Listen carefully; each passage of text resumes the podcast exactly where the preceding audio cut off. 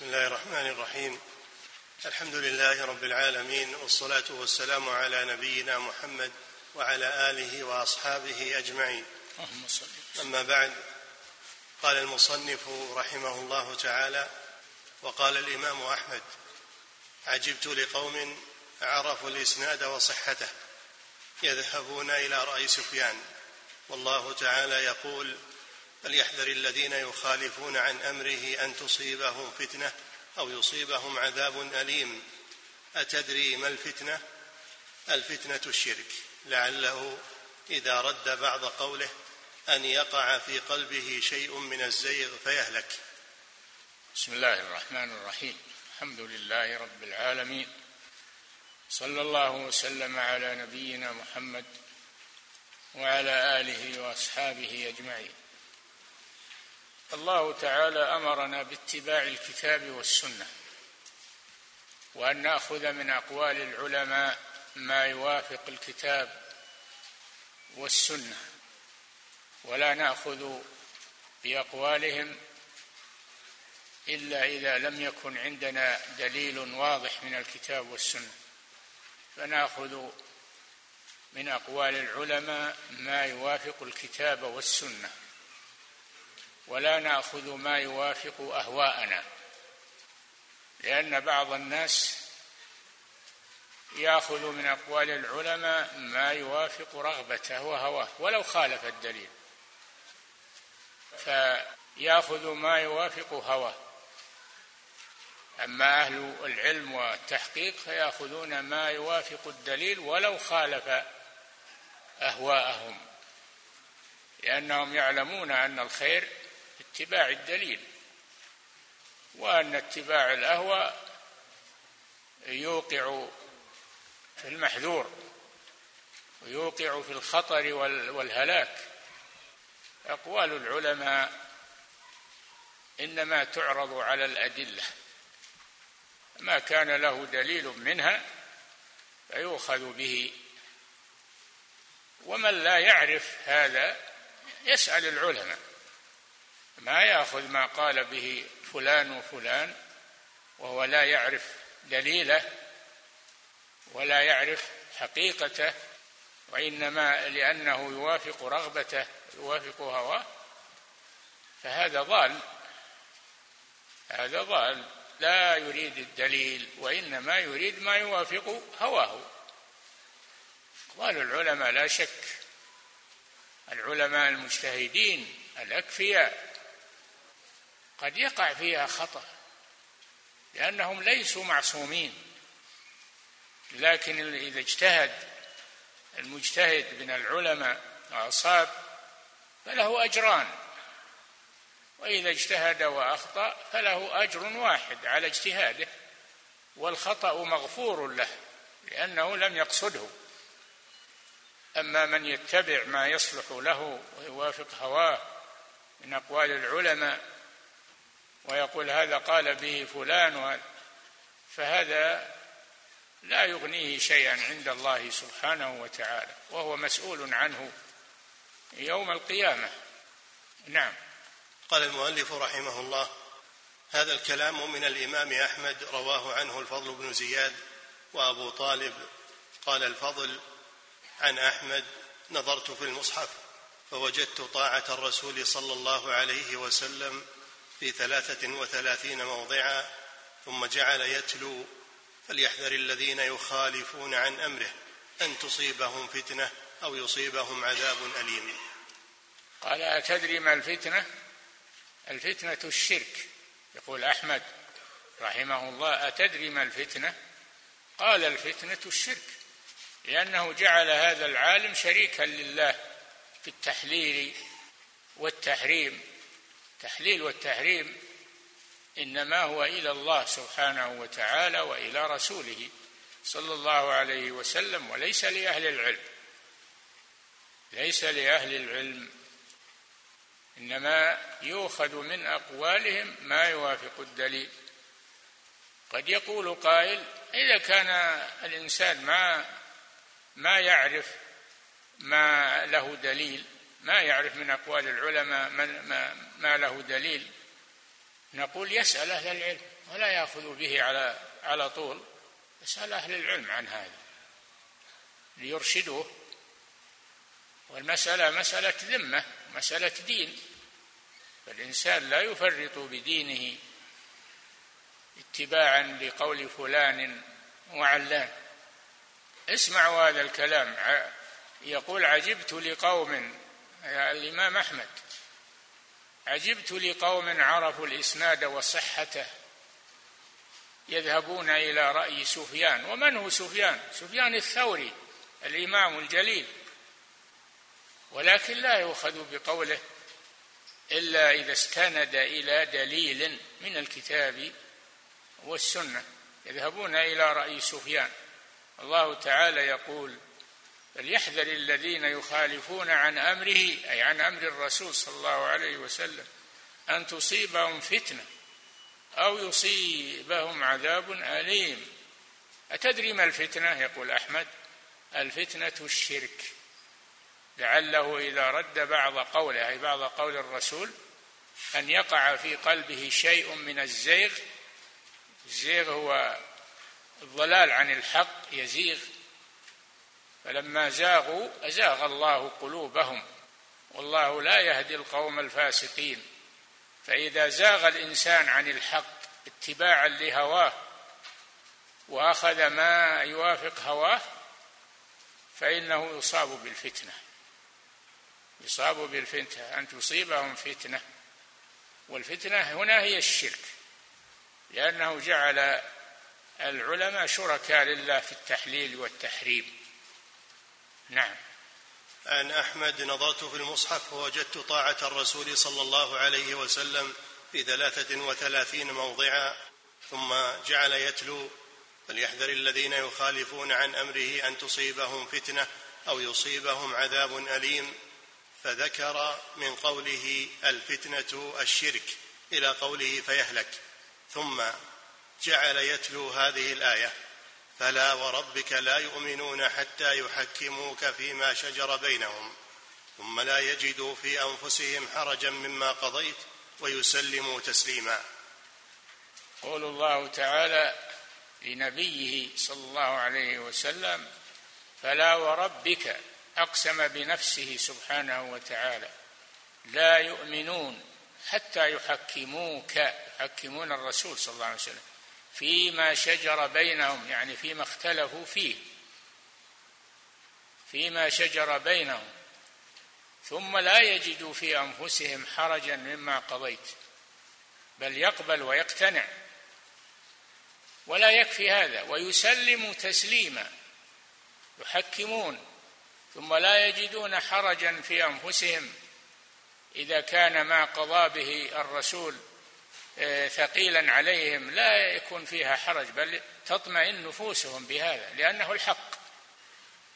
ويسلموا تسليما ما يعترضون وإنما ينقادون لله عز وجل ولحكمه وحكم رسوله صلى الله عليه وسلم. نعم. وقال أبو طالب عن أحمد وقيل له أبو طالب من من أصحاب الإمام أحمد ومن تلاميذه. نعم.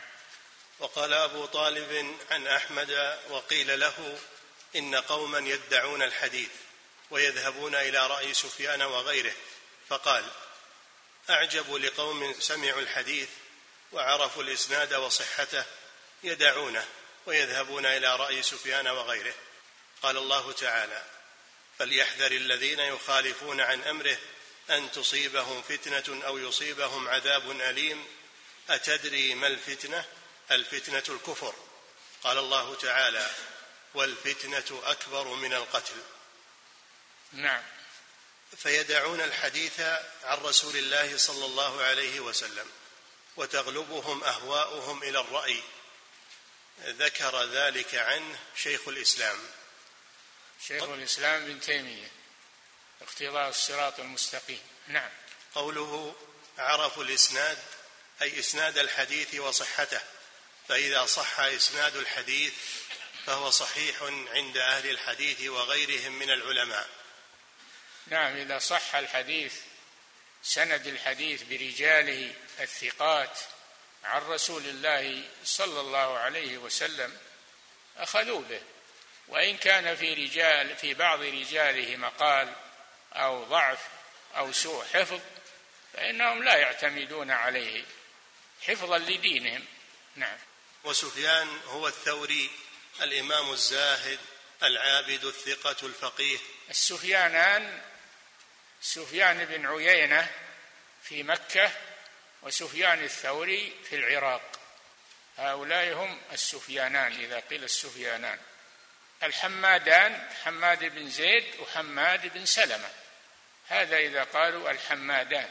نعم. وسفيان هو الثوري الإمام الزاهد العابد الثقة الفقيه وكان له أصحاب يأخذون عنه ومذهبه مشهور يذكره العلماء في الكتب التي يذكر فيها مذاهب الأئمة كالتمهيد لابن عبد البر والاستذكار له وكتاب الإشراف على مذاهب الأشراف لابن المنذر والمحلى لابن حزم والمغني لأبي محمد عبد الله بن أحمد بن قدامة الحنبلي وغير هؤلاء. نعم. هكذا ضبط أقوال أهل العلم لها دواوين معروفة ولا يؤخذ بها إلا إذا وافقت الدليل من الكتاب والسنة. بعض الناس يقول ما دام قال به فلان اللوم عليه هو. أنا آخذ بقوله واللوم عليه هو. لا اللوم عليك أنت. هو مجتهد يصيب ويخطئ. فأنت لا تأخذ بقوله قضية مسلمة. إذا كنت ما تحسن الاختيار فاسأل أهل العلم الذين يعرفون القول الصحيح من غيره ولم يبق لك عذر في هذا. نعم. فقول الإمام أحمد رحمه الله عجبت لقوم عرفوا الإسناد وصحته إلى آخره إنكار منه لذلك وأنه يؤول إلى زيغ القلوب الذي يكون به المرء كافرا.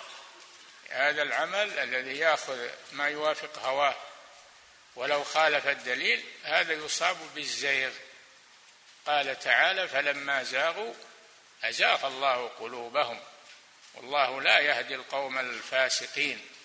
فمن زاغ عن الحق إلى الباطل لأنه يوافق هواه فإنه يزيغ الله قلبه والعياذ بالله عقوبة له. نعم. وقد عمت البلوى بهذا المنكر خصوصا ممن ينتسب إلى العلم. انتبهوا وقد وقد عمت البلوى بهذا المنكر خصوصا ممن ينتسب إلى العلم. نصبوا الحبائل في الصد عن الأخذ بالكتاب والسنة وصدوا الناس عن متابعة النبي صلى الله عليه وسلم وتعظيم أمره ونهيه. فمن ذلك قولهم لا يستدل بالكتاب والسنة إلا المجتهد والاجتهاد قد انقطع.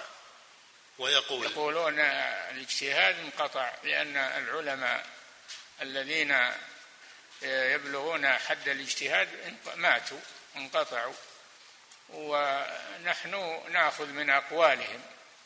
ما لنا سبيل إلا أن نأخذ من أقوالهم. نقول نعم خذوا من أقوالهم ما وافق الدليل. هم ليسوا مشرعين إنما هم مجتهدون. فخذوا من أقوالهم ما وافق الدليل. إذا لم تعرفوا فاسألوا أهل العلم عن ذلك. نعم.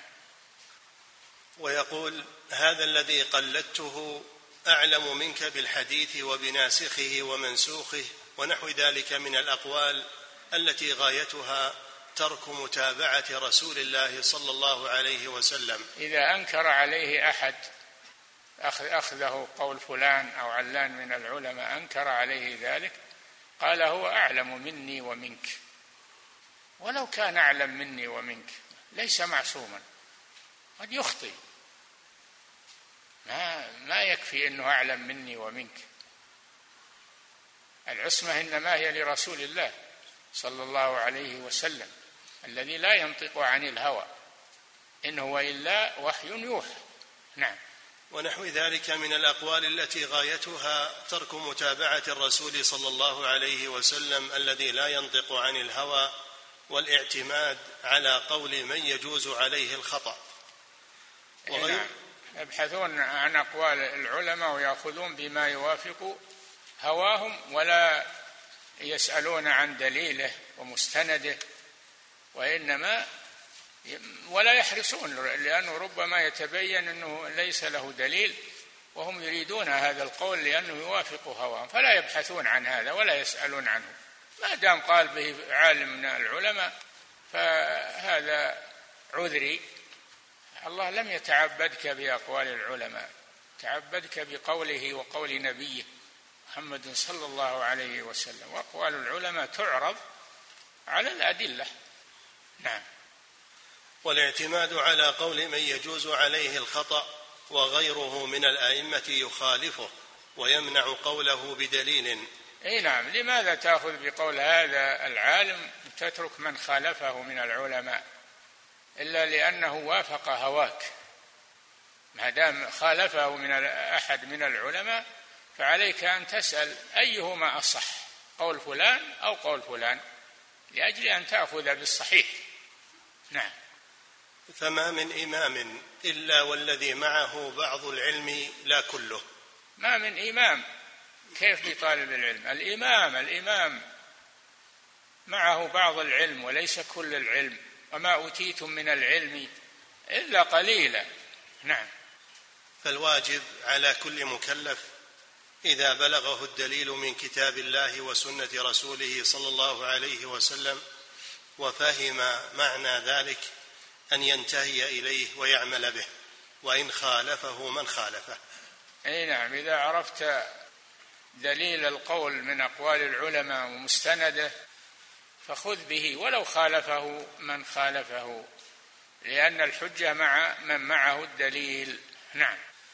فالواجب على كل مكلف إذا بلغه الدليل من كتاب الله وسنة رسوله صلى الله عليه وسلم وفهم معنى ذلك أن ينتهي إليه ويعمل به وإن خالفه من خالفه كما قال تعالى اتبعوا ما أنزل إليكم من ربكم. ولا تتبعوا من دونه أولياء قليلا ما تذكرون. اتبعوا هذا أمر من الله جل وعلا لنا للأولين والآخرين. اتبعوا ما أنزل إليكم من ربكم ولا تتبعوا من دونه أولياء. اتبعوا ما أنزل إليكم من ربكم على لسان رسوله صلى الله عليه وسلم. نتبع المنزل ما نتبع الاجتهاد. إنما نتبع الاجتهاد إذا استند إلى المنزل من كتاب الله وسنة رسوله صلى الله عليه وسلم والمسألة مسألة ذمة ومسؤولية. نعم. اتبعوا ما أنزل إليكم من ربكم ولا تتبعوا من دونه أولياء قليلا ما تذكرون. والذي أنزل إلينا من ربنا هو كتاب الله وسنة رسوله صلى الله عليه وسلم لأن ما يقوله الرسول وحي من الله عز وجل وما ينطق عن الهوى إن هو إلا وحي يوحى. نعم. وقال تعالى أولم يكفهم انا أنزلنا عليك الكتاب يتلى عليهم إن في ذلك لرحمة وذكرى لقوم يؤمنون. أولم يكفهم؟ يكفي العالم كلهم. أولم يكفهم؟ أنا أنزلنا أنا عليك. أنزلنا عليك الكتاب يتلى عليهم. هذا يكفي كل مسلم. الكتاب وهو القرآن والسنة النبوية لأنها مفسرة للقرآن وهي وحي من الله عز وجل. نعم. انا أنزلنا عليك الكتاب يتلى عليهم إن في ذلك لرحمة وذكرى لقوم يؤمنون. إي نعم. وقد تقدم حكاية الإجماع على ذلك وبيان أن المقلد ليس من أهل العلم. وقد حكى أيضا أبو عمر بن عبد البر وغيره الإجماع على ذلك. المقلد الذي يأخذ أقوال الفقهاء ليس من العلماء. العالم هو الذي يعرف القول بدليله من الكتاب والسنة. هذا هو العالم الحقيقي. أما المقلد فلا يعتبرونه عالما. نعم. قلت ولا يخالف في ذلك إلا جهال المقلدة لجهلهم بالكتاب والسنة ورغبتهم عنهما. وهؤلاء يقول الشارح رحمه الله قلت قلت نعم. ولا يخالف في ذلك إلا جهال المقلدة لجهلهم بالكتاب والسنة ورغبتهم عنهما. وهؤلاء وإن ظنوا أنهم قد اتبعوا الأئمة فإنهم في الحقيقة قد خالفوهم. واتبعوا غير سبيلهم كما قدمنا من قول مالك والشافعي وأحمد. نعم. فالإمام الشافعي رحمه الله يقول إذا صح الحديث فهو مذهبي. إذا صح الحديث فهو مذهبي. فهو يتبع الحديث الصحيح. فما وافق الدليل من أقوال أهل العلم المجتهدين يؤخذ به يأخذ به المحتاج الذي لا يقدر على الأخذ مما أخذوا يأخذ به. ولا يأخذ أقوال العلماء على طول من غير تمحيص ومن غير سؤال عنها ومن غير مراجعة للكتب. نعم. يقول قلت ولا يخالف في ذلك إلا جهال المقلدة لجهلهم بالكتاب والسنة ورغبتهم عنهما وهؤلاء وإن ظنوا أنهم قد اتبعوا الأئمة فإنهم في الحقيقة قد خالفوهم واتبعوا غير سبيلهم كما قدمنا من قول مالك والشافعي وأحمد. لكن في كلام أحمد رحمه الله إشارة إلى أن التقليد قبل بلوغ الحجة لا يذم. وإنما ينكر على من بلغته الحجة وخالفها لقول إمام من الأئمة. إي نعم فالتقليد إنما يصار إليه لمن لا يعرف الدليل ومستنده وهو محتاج. لا بأس أن يقلد في بعض المسائل إلى أن يقدر على معرفة الأقوال الراجحة والمرجوحة. والصحيحة وغير الصحيحة. لأن المسألة مسألة ذمة ذمتك أنت. ما هي ذمة الذي قلدته؟ ذمتك أنت. لا تتبع إلا ما صح به الدليل. وإذا لم تعرف اسأل أهل العلم فاسألوا أهل الذكر إن كنتم لا تعلمون. أنت لست في متاهة والحمد لله. عندك الكتاب والسنة ثم عندك العلماء الربانيين فأنت تسير مع الطريق الصحيح الموصل إلى الله إذا أحسنت السير. وحرصت على الحق وبحثت عنه فإنك توفق بإذن الله. ولو أخطأت في بعض الأشياء فخطأك مغفور لأن هذا منتهى قدرتك. نعم. وإنما ينكر على من بلغته الحجة وخالفها لقول إمام من الأئمة وذلك إنما نشأ عن الإعراض عن تدبر كتاب الله وسنة رسوله صلى الله عليه وسلم والإقبال على كتب من تأخر والاستغناء بها عن الوحيين. الكتب كل ما تقدم منها فهو أصح من المتأخر فعليك بالأخذ بالقديم مهما كان كذلك من كتب أهل العلم. نعم. وهذا يشبه ما وقع من أهل الكتاب الذين قال الله فيهم اتخذوا أحبارهم ورهبانهم أربابا من دون الله. اتخذوا أي اليهود والنصارى أهل الكتاب اليهود والنصارى. نعم اتخذوا, اتخذوا أحبارهم. اتخذوا أحبارهم ورهبانهم. والحبر هو العالم عندهم والراهب هو العابد. فهم يقلدون الأحبار والرهبان هذه طريقة اليهود والنصارى. أما المسلمون إنما يتبعون الكتاب والسنة ولا يأخذون من أقوال الأحبار والرهبان إلا ما وافق الدليل. نعم.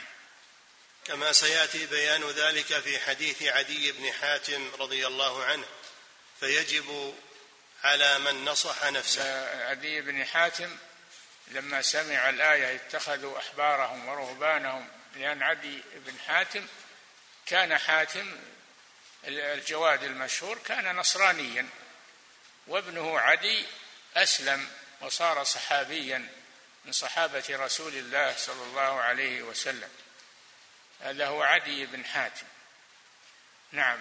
قال إنا لسنا نعبدهم يا رسول الله. لما سمع قوله تعالى اتخذوا أحبارهم ورهبانهم يعني اليهود والنصارى وهو كان نصرانيا قال يا رسول الله إنا لسنا نعبدهم.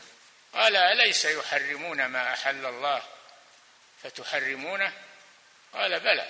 أليس يحلون ما حرم الله فتحلونه؟ قال بلى. قال فتلك عبادتهم. قال له رسول الله صلى الله عليه وسلم تلك عبادتهم. ليس عبادتهم إنك تركع له تسجد له تدعوه إنما إذا اتبعته من غير دليل إلا أنه يوافق هواك فهذه عبادتهم. اتخذوا أحبارهم ورهبانهم أربابا من دون الله والمسيح ابن مريم. وما أمروا إلا ليعبدوا إلها واحدا لا إله إلا هو. سبحانه عما يشركون. نعم. فيجب على من نصح نفسه إذا قرأ كتب العلماء ونظر فيها وعرف أقوالهم فليعرضها على ما في الكتاب والسنة. نعم. لا ف... تأخذه قولا مجردا حتى تعرف دليله. إن كنت لا تعرف دليله اسأل أهل العلم حتى تكون على بصيرة. نعم. فليعرضها على ما في الكتاب والسنة فإن كل مجتهد من العلماء ومن تبعه وانتسب إلى مذهبه لا بد أن يذكر دليله. نعم. والحق في المسألة واحد. نعم. والأئمة الحق ما يتعدد واحد. فمن أصاب الدليل فهو على الحق ومن خالف الدليل فهو مخطئ للحق. لكن إن كان مجتهدا قد يعذر وإن كان غير مجتهد وإنما يأخذ ما يوافق هواه فهو ضال. نعم. والحق في المسألة واحد والأئمة مثابون على اجتهادهم. نعم. فالمنصف. مثابون على اجتهادهم. من أصاب فله أجران ومن أخطأ فله أجر واحد. والخطأ مغفور. نعم. فالمنصف يجعل النظر في كلامهم وتأمله طريقا إلى معرفة المسائل واستحضارها ذهنا وتمييزا للصواب من الخطأ بالأدلة التي يذكرها المستدلون وتعرف بذلك من هو أسعد بالدليل من العلماء فيتبعه. نعم.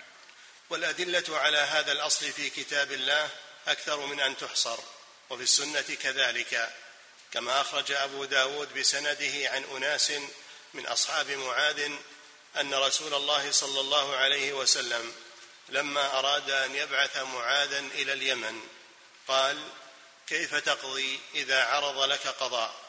قال أقضي بكتاب الله. أراد الرسول صلى الله عليه وسلم أن يبعث معاذ بن جبل رضي الله عنه وكان شابا عالما تقيا سأله كيف يقضي بين الناس؟ لأنه بعثه قاضيا وداعيا ومعلما. نعم. قال كيف تقضي إذا عرض لك قضاء؟ قال أقضي بكتاب الله. قال فإن لم تجد في كتاب الله. قال فبسنة رسول الله صلى الله عليه وسلم. قال فإن لم تجد في سنة رسول الله ولا في كتاب الله. قال أجتهد رأيي ولا ألو نعم هذا كلام معاذ رضي الله عنه. إجابة للرسول صلى الله عليه وسلم. يختبره قبل أن يرسله. وهكذا يجب أن يختبر القاضي قبل أن يرسل ويولى القضاء. يختبر عند المرجع الذي يعين القضاة. يختبره أولا. نعم. قال أجتهد رأيي ولا آل. قال فضرب رسول ولا آل يعني ولا أقصر في الاجتهاد. نعم. قال فضرب رسول الله صلى الله عليه وسلم صدره وقال الحمد لله الذي وفق رسول رسول الله لما يرضي رسول الله. نجح في الاختبار رضي الله عنه فأثنى عليه الرسول ودعا له. نعم. وساق بسنده عن الحارث بن عمر عن أناس من أصحاب معاذ عن معاذ بن جبل أن رسول الله صلى الله عليه وسلم لما بعثه إلى اليمن بمعناه نعم. والأئمة رحمهم الله والأئمة رحمهم الله لم يقصروا في البيان بل نهوا عن تقليدهم إذا استبانت السنة لعلمهم أن من العلم شيئا لم يعلموه وقد يبلغ غيرهم وذلك كثير كما لا يخفى على من نظر في أقوال العلماء إنما العلم كبحر زاخر فخذ من كل قول احسنه الذين يستمعون القول فيتبعون أحسنه. فخلك على هذا الطريق. لا تأخذ الأقوال قضية مسلمة بل تمحصها وتعرضها على الكتاب والسنة. وإذا كان ما عندك مقدرة اسأل أهل العلم عنها. نعم. كما لا يخفى على من نظر على من نظر في أقوال العلماء. قال أبو حنيفة إذا جاء الحديث عن رسول الله صلى الله عليه وسلم فعلى الرأس والعين. أبو حنيفة رضي الله عنه هو أقدم الأئمة الأربعة. يقال إنه أدرك الصحابة أدرك بعض الصحابة والصحيح أنه ما أدرك أحدا من الصحابة وإنما أدرك التابعين فهو من أتباع التابعين. وأقدم الأئمة الأربعة. نعم. قال أبو حنيفة إذا جاء الحديث عن رسول الله صلى الله عليه وسلم فعلى الرأس والعين. وإذا جاء عن الصحابة رضي الله عنهم فعلى الرأس والعين. وإذا جاء عن التابعين فنحن رجال وهم رجال. نعم. القرن الأول والقرن الثاني على الرأس والعين. أما الثالث وهم التابعون فأبو حنيفة يقول هم رجال ونحن رجال. ومن هو أبو حنيفة؟ الإمام الجليل. بعض الشباب يقول هذه الكلمة نحن رجال وهم رجال. وين أنت وياهم؟ هم رجال لكن أنت ما أنت رجل علم. ولست مثلهم. نعم. وقال رحمه الله إذا قلت قولا وكتاب الله يخالفه. يقول أبو حنيفة رحمه الله نعم. وقال رحمه الله إذا قلت قولا وكتاب الله يخالفه فاتركوا قولي لكتاب الله. قيل إذا كان قول رسول الله صلى الله عليه وسلم يخالفه. قال اتركوا قولي لخبر الرسول صلى الله عليه وسلم. قيل إذا كان قول الصحابة يخالفه قال اتركوا قولي لقول الصحابة رضوان الله عليهم. نعم يقدمون قول الصحابة على قول أبي حنيفة. نعم. وقال الربيع سمعت الشافعي رحمه الله يقول إذا وجدتم في كتابي خلاف سنة رسول الله صلى الله عليه وسلم فخذوا سنة رسول الله صلى الله عليه وسلم ودعوا ما قلت. نعم. وقال إذا صح الحديث بما يخالف قولي فاضربوا بقولي الحائط. هذا قول الشافعي رحمه الله. اضربوا بقولي عرض الحائط. إذا خالف قول الرسول صلى الله عليه وسلم. نعم. وقال مالك رحمه الله كل أحد يؤخذ من قوله ويترك إلا رسول الله صلى الله عليه وسلم. يقول مالك كلنا راد ومردود عليه إلا صاحب هذا القبر يعني رسول الله صلى الله عليه وسلم لأنه في المسجد النبوي. نعم. وقال مالك رحمه الله كل أحد يؤخذ من قوله ويترك إلا رسول الله صلى الله عليه وسلم وتقدم له مثل ذلك. نعم. فلا عذر لمقلد بعد هذا. ولو استقصينا كلام العلماء في هذا لخرج بنا عما قصدناه من الاختصار وفيما ذكرناه كفاية لطالب الهدى. نعم. قوله لعله إذا رد بعض قوله أي قول الرسول صلى الله عليه وسلم أن يقع في قلبه شيء من الزيغ فيهلك. نبه فليحذر الذين يخالفون عن أمره أمر الرسول صلى الله عليه وسلم أن تصيبهم فتنة أو يصيبهم عذاب أليم. فمن بلغه قول رسول الله صلى الله عليه وسلم يجب عليه أن يأخذه ويقبله ولو خالف هواه ورغبته. نعم. لأن الخير فيه. نعم.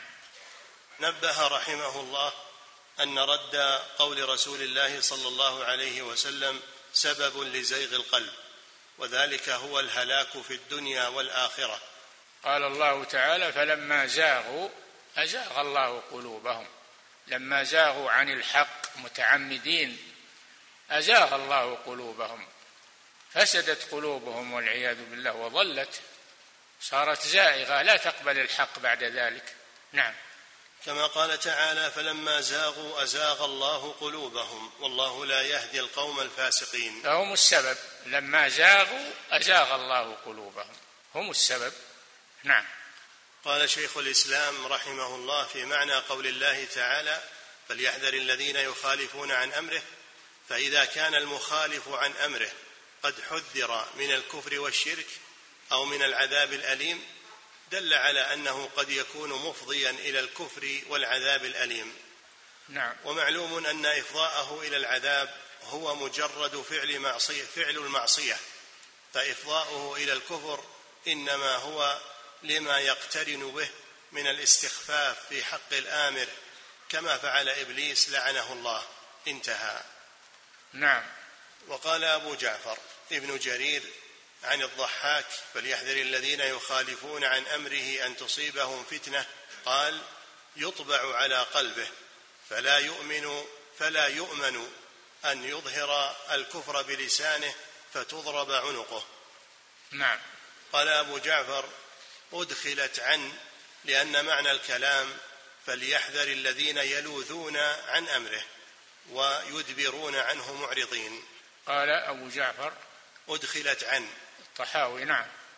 قال أبو جعفر أدخلت عن لأن معنى الكلام أدخلت عن في الآية يخالفون عن أمره عن أمره نعم. أدخلت عن لأن معنى الكلام فليحذر الذين يلوذون عن أمره. ويدبرون عنه معرضين. نعم. قوله أو يصيبهم في عاجل الدنيا عذاب من الله موجع على خلافهم أمر رسول الله صلى الله عليه وسلم. نعم.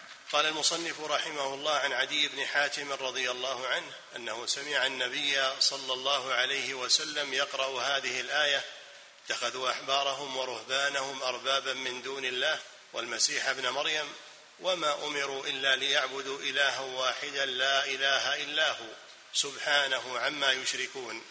فقلت إنا لسنا نعبدهم. يقول عدي بن حاتم للرسول صلى الله عليه وسلم وكان نصرانيا قبل أن يسلم إنا لسنا نعبدهم.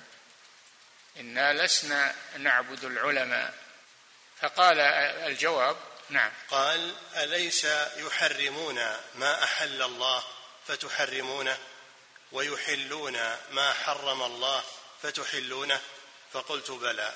قال فتلك عبادتهم. نعم طاعتهم في تحليل ما حرم الله وتحريم ما أحل الله هذه عبادة. هذه عبادتهم. نعم. رواه أحمد والترمذي وحسنه. قال المؤلف رحمه الله هذا الحديث قد روي من طرق ورواه ابن سعد وعبد بن حميد وابن المنذر وابن جرير وابن أبي حاتم والطبراني وأبو الشيخ وابن مردويه والبيهقي. قوله عن عدي بن حاتم أي الطائي المشهور. وحاتم هو ابن عبد الله ابن سعد ابن الحشرج بفتح الهاء المهملة المشهور بالسخاء والكرم. حاتم الطائي مشهور بالكرم نعم. قدم عدي على رسول الله صلى الله عليه وسلم في شعبان سنة تسع من الهجرة فأسلم وعاش مئة وعشرين سنة. نعم. وفي الحديث دليل على أن طاعة الأحبار والرهبان في معصية الله عبادة لهم من دون الله. نعم. ومن الشرك أليسوا يحرمون ما أحل الله؟ فتحرمونه ويحلون ما حرم الله فتحلون قال بلى. قال تلك عبادتهم. نعم. في الحديث دليل على أن طاعة الأحبار والرهبان في معصية الله عبادة لهم من دون الله ومن الشرك الأكبر الذي لا يغفره الله. إن الله لا يغفر أن يشرك به. فإذا مات الإنسان على الشرك الأكبر فإنه لا يغفر له.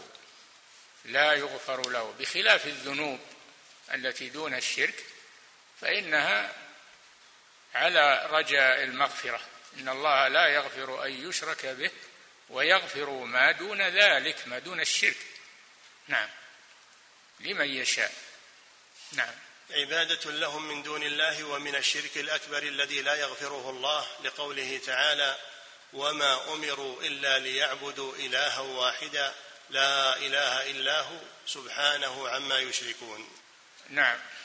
ويظهر ذلك قوله سبحانه ولا تأكلوا مما لم يذكر اسم الله عليه وإنه لفسق وإن الشياطين ليوحون إلى أوليائهم ليجادلوكم وإن أطعتموهم إنكم لمشركون.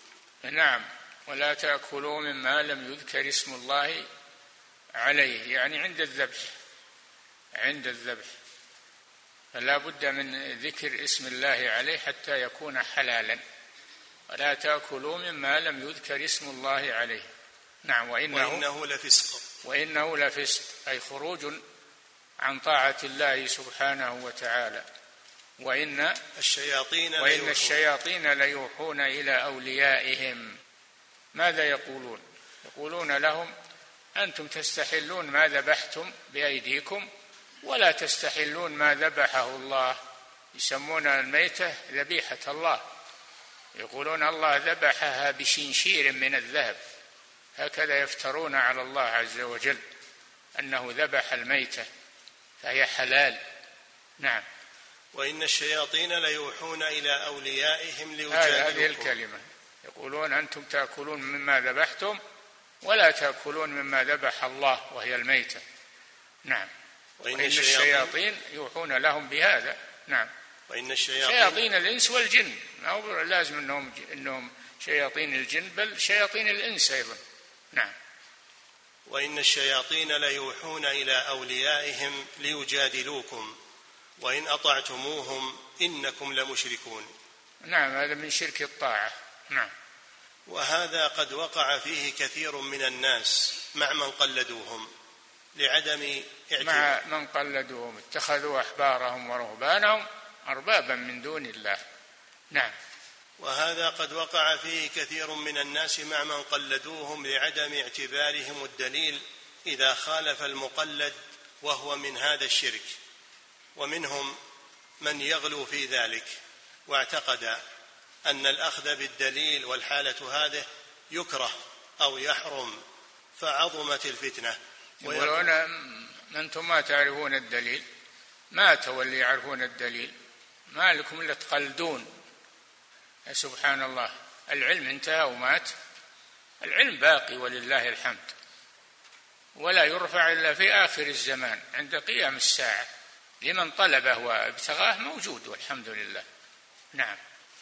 ومنهم من يغلو في ذلك واعتقد أن الأخذ بالدليل والحالة هذه يكره أو يحرم فعظمت الفتنة ويقول هم أعلم منا بالأدلة ولا يأخذ بالدليل إلا المجتهد وربما تفوهوا بذم من يعمل بالدليل ولا ريب أن هذا من غربة الإسلام. نعم. ولا ريب أن هذا من غربة الإسلام كما قال شيخنا رحمه الله في المسائل فتغيرت. يعني الشيخ محمد بن عبد الوهاب. الشيخ محمد بن عبد الوهاب. نعم. ولا ريب أن هذا من غربة الإسلام كما قال شيخنا رحمه الله في المسائل فتغيرت الأحوال وآلت إلى هذه الغاية فصار عند الأكثر عبادة الرهبان هي أفضل الأعمال ويسمونها ولاية وعبادة الأحبار هي العلم والفقه. ثم تغيرت الحال إلى أن عبد من ليس من الصالحين وعبد بالمعنى الثاني من هو من الجاهلين. نعم. وأما طاعة الأمراء ومتابعتهم فيما يخالف ما شرعه الله ورسوله فقد عمت بها البلوى قديما وحديثا في أكثر الولاة بعد الخلفاء الراشدين وهلما جرا. وقد قال تعالى فإن لم يستجيبوا لك فاعلم انما يتبعون أهواءهم. ومن أضل ممن اتبع هواه بغير هدى من الله إن الله لا يهدي القوم الظالمين. فإن لم يستجيبوا لك هذا في كل وقت وفي كل زمان. ليس في وقت نزول القرآن فقط. الرسول تجب طاعته والاستجابة له إلى أن تقوم الساعة. إلى أن تقوم الساعة. لا يجوز العدول عن قول الرسول صلى الله عليه وسلم إلى قول غيره كائنا من كان. نعم. فإن لم يستجيبوا لك فاعلم أنما يتبعون أهواءهم. ومن أضل ممن اتبع هواه بغير هدى من الله. إن الله لا يهدي القوم الظالمين. نعم. وعن زياد ابن حدير قال قال لي عمر هل تعرف ما يهدم الإسلام؟ قلت لا. قال يهدمه زلة العالم وجدال المنافق بالكتاب وحكم الأئمة المضلين رواه الدارمي. هذه الثلاثة هي التي تهدم الإسلام. الأولى زلة العالم. زلة العالم. العالم ليس معصوما يزل ويخطي. ولا يجوز لنا أن ناخذ نقول هذا قول فلان العالم الفلاني. لا. إن كان قوله يوافق الدليل أخذنا به وإلا تركناه. ولو كان من أجل العلماء. نعم. وجدال المنافق بالكتاب. هذه المصيبة أن فيه المنافقون الذين يظهرون الإسلام وهم يبطنون الكفر ويجادلون بالقرآن لأجل أن يقبل قولهم.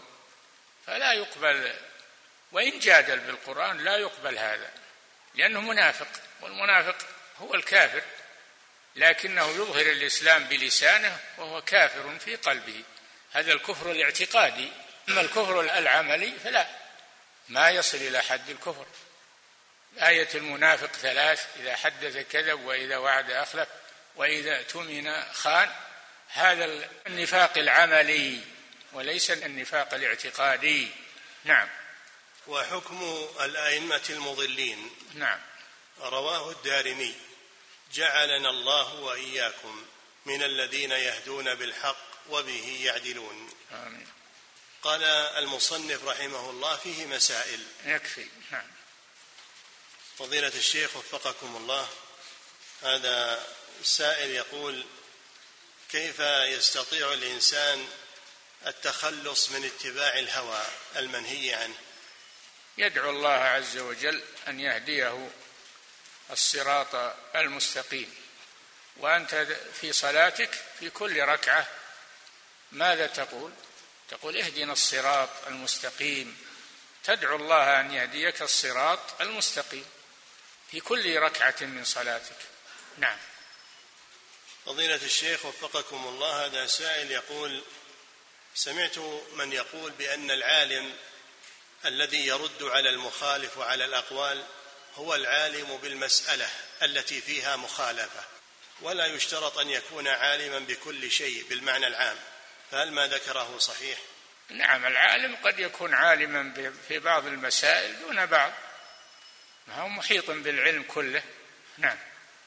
فضيلة الشيخ وفقكم الله هذا سائل يقول بعض طلبة العلم يأخذون ما نقله بعض العلماء في كتبهم من إجماعات بانه أمر مسلم به ولا يبحثون عن إثبات هذا الإجماع ويقولون إن الأصل في كلام هذا الإمام أنه مسلم به فلا يحتاج إلى اتباع أو إلى إثبات. الإجماعات لها كتب لها كتب معروفة يرجع إليها ولا يؤخذ دعوى الإجماع من غير رجوع إلى الأصل. نعم.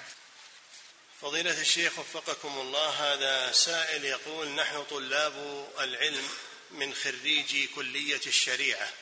هل يعني كلام المؤلف رحمه الله اتباع الدليل أن نترك التمذهب وأن نجتهد في اتباع الدليل نحن؟ ما قال لكم اتركوا التمذهب؟ التمذهب الذي عليه دليل لا بأس به. ما قال لكم اتركوا التمذهب وارجعوا للدليل وأنتم لا تزالون طلبة علم. ما بلغتم المبلغ الذي يؤهلكم إلى هذه المرحلة؟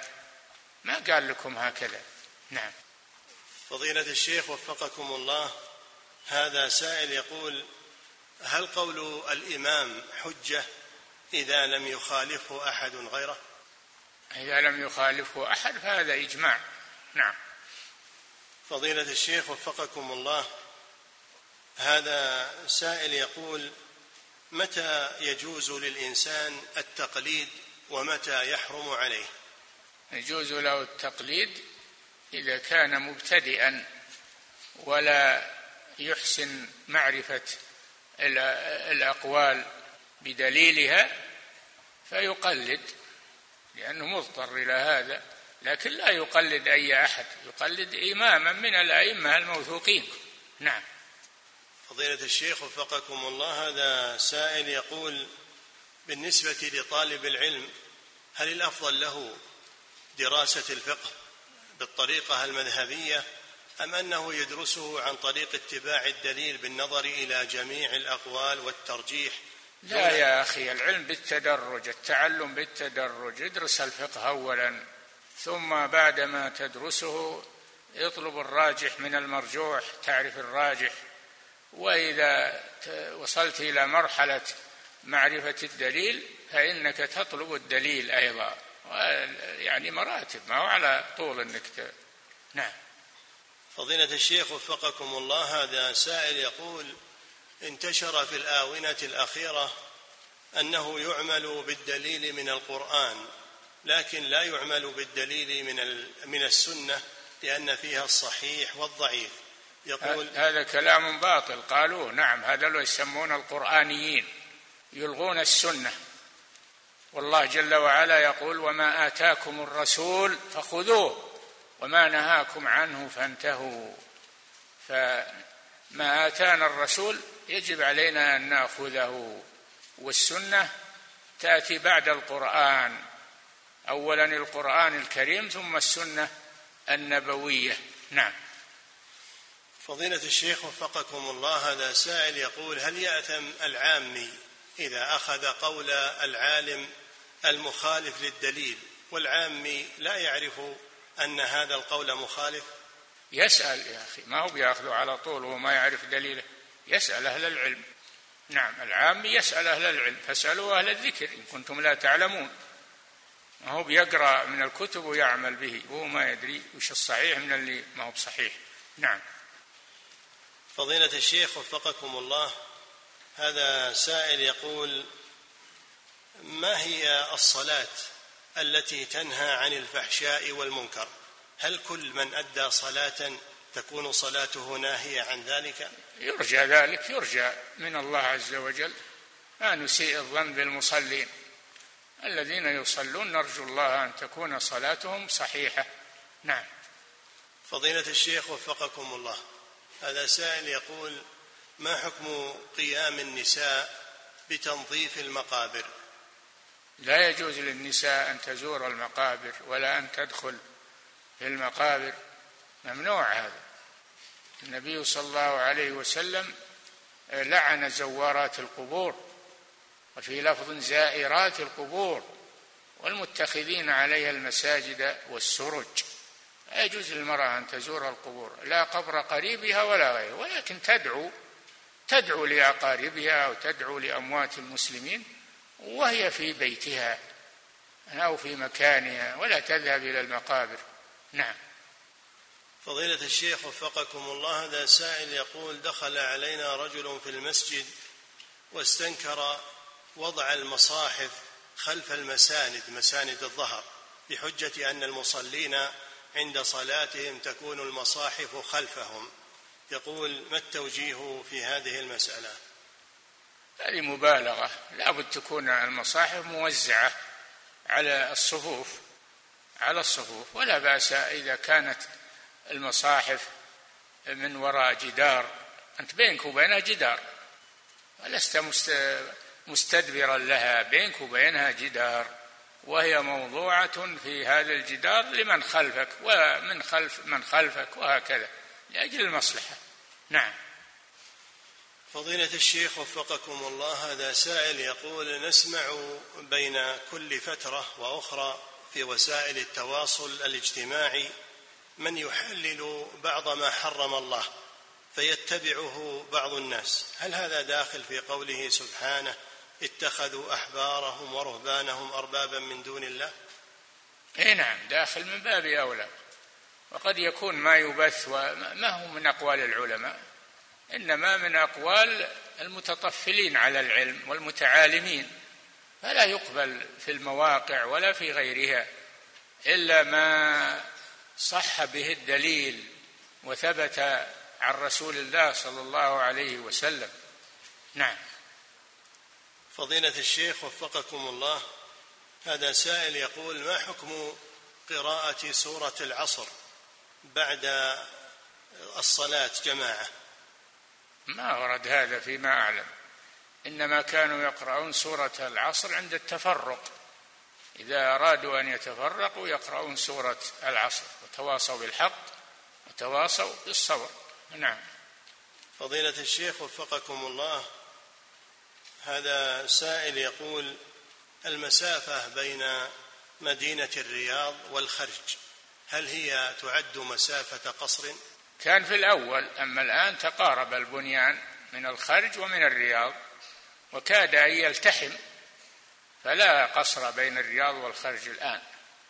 تقارب البنيان نعم. فضيلة الشيخ وفقكم الله هذا سائل يقول ما حكم الذهاب إلى الحدائق؟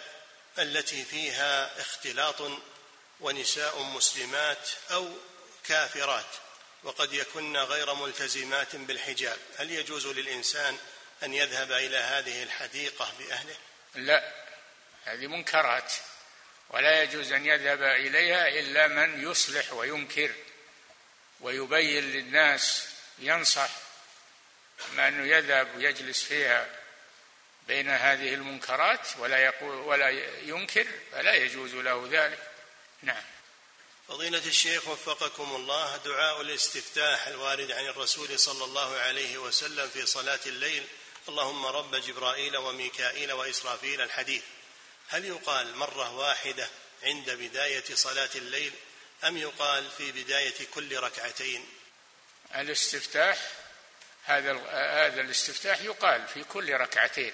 لأن كل ركعة صلاة مستقلة فيستفتح لها. نعم. فضيلة الشيخ وفقكم الله هذا سائل يقول في صلاة الليل وبعد انتهائي من الركعتين أقوم بالدعاء ثم أصلي ركعتين ثانية ثم أدعو فهل فعلي هذا صحيح؟ لا بأس بذلك. يعني تدعو بين بين الصلوات. بين التسليمات تدعو الله. لا بأس هذا طيب. نعم. فضيلة الشيخ وفقكم الله هذا سائل يقول ما حكم جمع الإنسان الصلاتين قبل السفر لكن عنده نية سفر؟ لا ما يجوز هذا. لا يجوز الجمع إلا إذا خرج من عامر البلد. يجوز له الجمع والإفطار في رمضان إذا خرج من عامر البلد.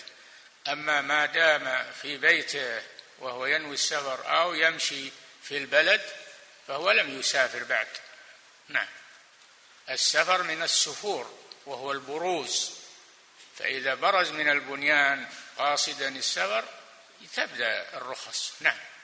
فضيلة الشيخ وفقكم الله هذا سائل يقول إذا وصلتني رسالة في الجوال فيها السلام عليكم ورحمة الله يقول هل يجب علي أن أرد السلام كتابة أم يكفي أن أنطق وهو ليس عندي؟ وهل أحصل إذا رددت على الثلاثين حسنة؟ ما هو لازم أن رد السلام يكون كتابة يكون بالقول. إذا سلم عليك أحد في الكتاب أو في التلفون آه، فإنك ترد عليه السلام. أو في خطاب. نعم. فضيلة الشيخ وفقكم الله هذا سائل يقول أنا إمام مسجد وأصلي في رمضان بالجماعة صلاة التراويح. فهل لي بعد ذلك أن أوتر في المنزل كل ليلة أم أكتفي بما فعلت في مسجدي؟ تكتفي بوتر واحد. ما تكرر الوتر في الليلة. قال صلى الله عليه وسلم لا وتران في ليلة. نعم. فضيلة الشيخ وفقكم الله هذا سائل يقول هل يجوز؟ ولا مانع أنك إذا أوترت أنك تصلي بعد الوتر. ما في مانع. كان النبي صلى الله عليه وسلم يوتر ثم يصلي بعد الوتر. نعم. فضيلة الشيخ وفقكم الله هذا سائل يقول هل يجوز تعليق إعلان في المسجد بأسماء المتبرعين لهذا المسجد لأجل الحث على إكماله؟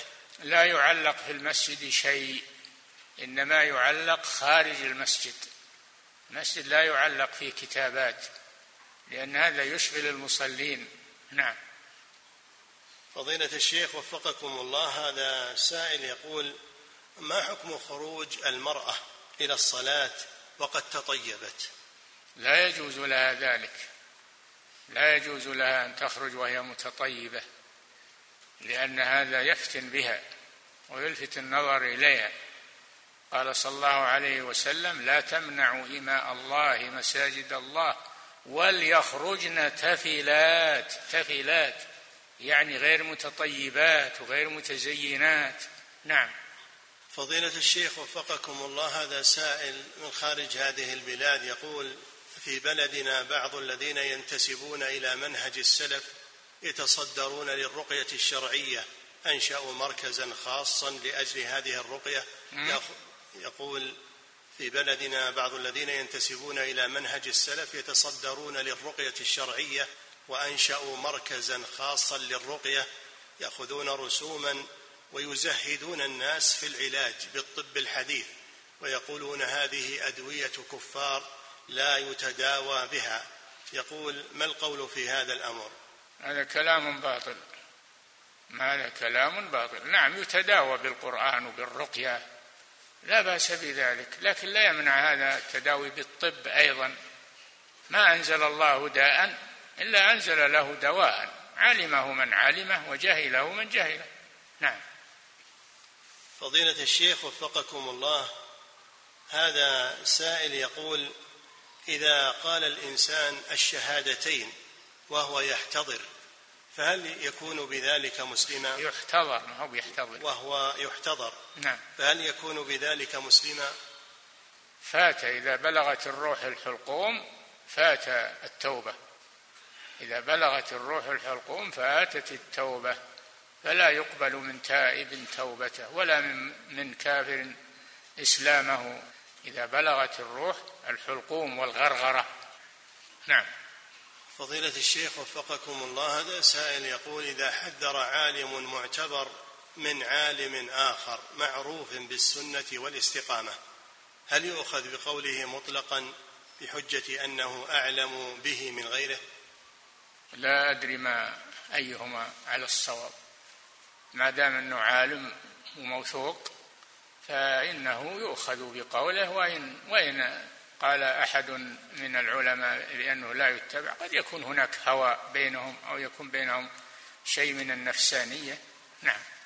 فضيلة الشيخ وفقكم الله هذا سائل يقول هل تشرع التعزية في المقبرة؟ لا بأس بذلك. لكن ما يجعل مكان مظلة يجتمعون تحتها ما يجعل هذا ممنوع. يعزيه في المقبرة وهو عابر سبيل ويمشون أو وهو واقف عند القبر ما في بأس. أما أنه يبنى سرادق ويجعل للتعزية هذا ما يجوز في المقابر. وقد منع منه الشيخ محمد بن إبراهيم رحمه الله وأمر بإزالة ما وضع في مقبرة المعلات. نعم. فضيلة الشيخ وفقكم الله هذا سائل يقول بعد مرور أربعين يوما من وفاة الميت فإن أهله يقيمون مأدبة ويذبحون شاة ويتصدقون بها. هل هذا مشروع؟ هذا بدعة ولا يجوز. هذه يسمونها صدقة أو ذبيحة الحفرة. هذه بدعة ولا تجوز. نعم. فضيلة الشيخ وفقكم الله هذا سائل يقول طالب العلم المبتدئ هل له أن يقرأ في كتاب فتح المجيد؟ المبتدئ نعم يقرأ يقرأ فيه. ويسأل العلماء إذا أشكل عليه شيء. نعم. فضيلة الشيخ وفقكم الله هذا سائل يقول أنا أنصح الناس لكن لا يستجيبون لنصحي فما الواجب علي وماذا أصنع؟ أن تستمر في النصح ولو لم يستجيبوا لك. استمر في النصح تؤدي ما عليك ويبقى ما عليهم. نعم.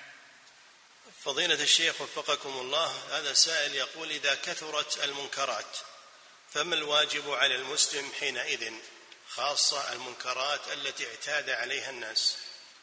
ينكر يجب على المسلم أن ينكر المنكرات ولو كثرت. ينكرها لتبرأ ذمته ولا يسكت عنها. نعم. فضيلة الشيخ وفقكم الله هذا سائل يقول شخص أقام الصلاة حتى بلغ حي على الصلاة فتوقف ولم يكمل ورجع إلى الصف. فقال أحد المصلين للإمام أقم الصلاة من جديد مرة أخرى. يقول هل يجب عليه أن يبدأ من جديد أو يكمل على الإقامة السابقة؟ لا يبدأ من جديد. يبدأ من جديد. نعم. فضيلة الشيخ وفقكم الله هذا سائل يقول هل يجوز إهداء ثواب الأعمال الصالحة إلى الميت؟ نعم. شيء طيب هذا. يتصدق عن الميت يحج عن الميت يعتمر عنه. طيب هذا. إذا تقبله الله ينفع الميت. نعم. فضيلة الشيخ وفقكم هذا في الأعمال التي تدخلها النيابة. نعم. فضيلة الشيخ وفقكم الله هذا سائل يقول قراءة سورة البقرة كل يوم هل هذا أمر مشروع؟ لا أعرف يعني ترتيبها كل يوم لكن ورد صح في الحديث أن الشيطان ينفر من البيت الذي تقرأ فيه سورة البقرة. نعم. فضيلة الشيخ وفقكم الله هذا سائل يقول توفي أبي رحمة الله عليه فهل الأفضل من ناحية البر أن أزوره في المقبرة أو أن أكثر من الدعاء له؟ لا زره وسلم عليه وادعو له. زيارة القبور سنة. لا سيما زيارة الأقارب. نعم. تسلم عليه وتدعو له. ينتفع الزائر والمزور أيضا. نعم. فضيلة الشيخ وفقكم الله هذا سائل يقول كيف يستطيع الزوج المعدد أن يعدل بين زوجاته في مسألة المحبة؟ يقول. لا يمكن العدل بينهم في المحبة لكن العدل بينهم في الكسوة والنفقة والمبيت يعدل بهذا يستطيعها الإنسان. نعم. فضيلة الشيخ وفقكم الله هذا سائل يقول هل ورد من قال هلك الناس فقد أهلكهم؟ وما نعم ورد هذا. من قال هلك الناس فهو أهلكهم وفي رواية فهو أهلكهم. فلا يجوز هذا. ما هلك الناس كلهم؟ نعم. فضيلة الشيخ وفقكم الله. هذا سائل يقول إنسان يطيل المكث في الحمام أكرمكم الله وتفوته الصلاة باستمرار. هل يأثم على هذا الفعل؟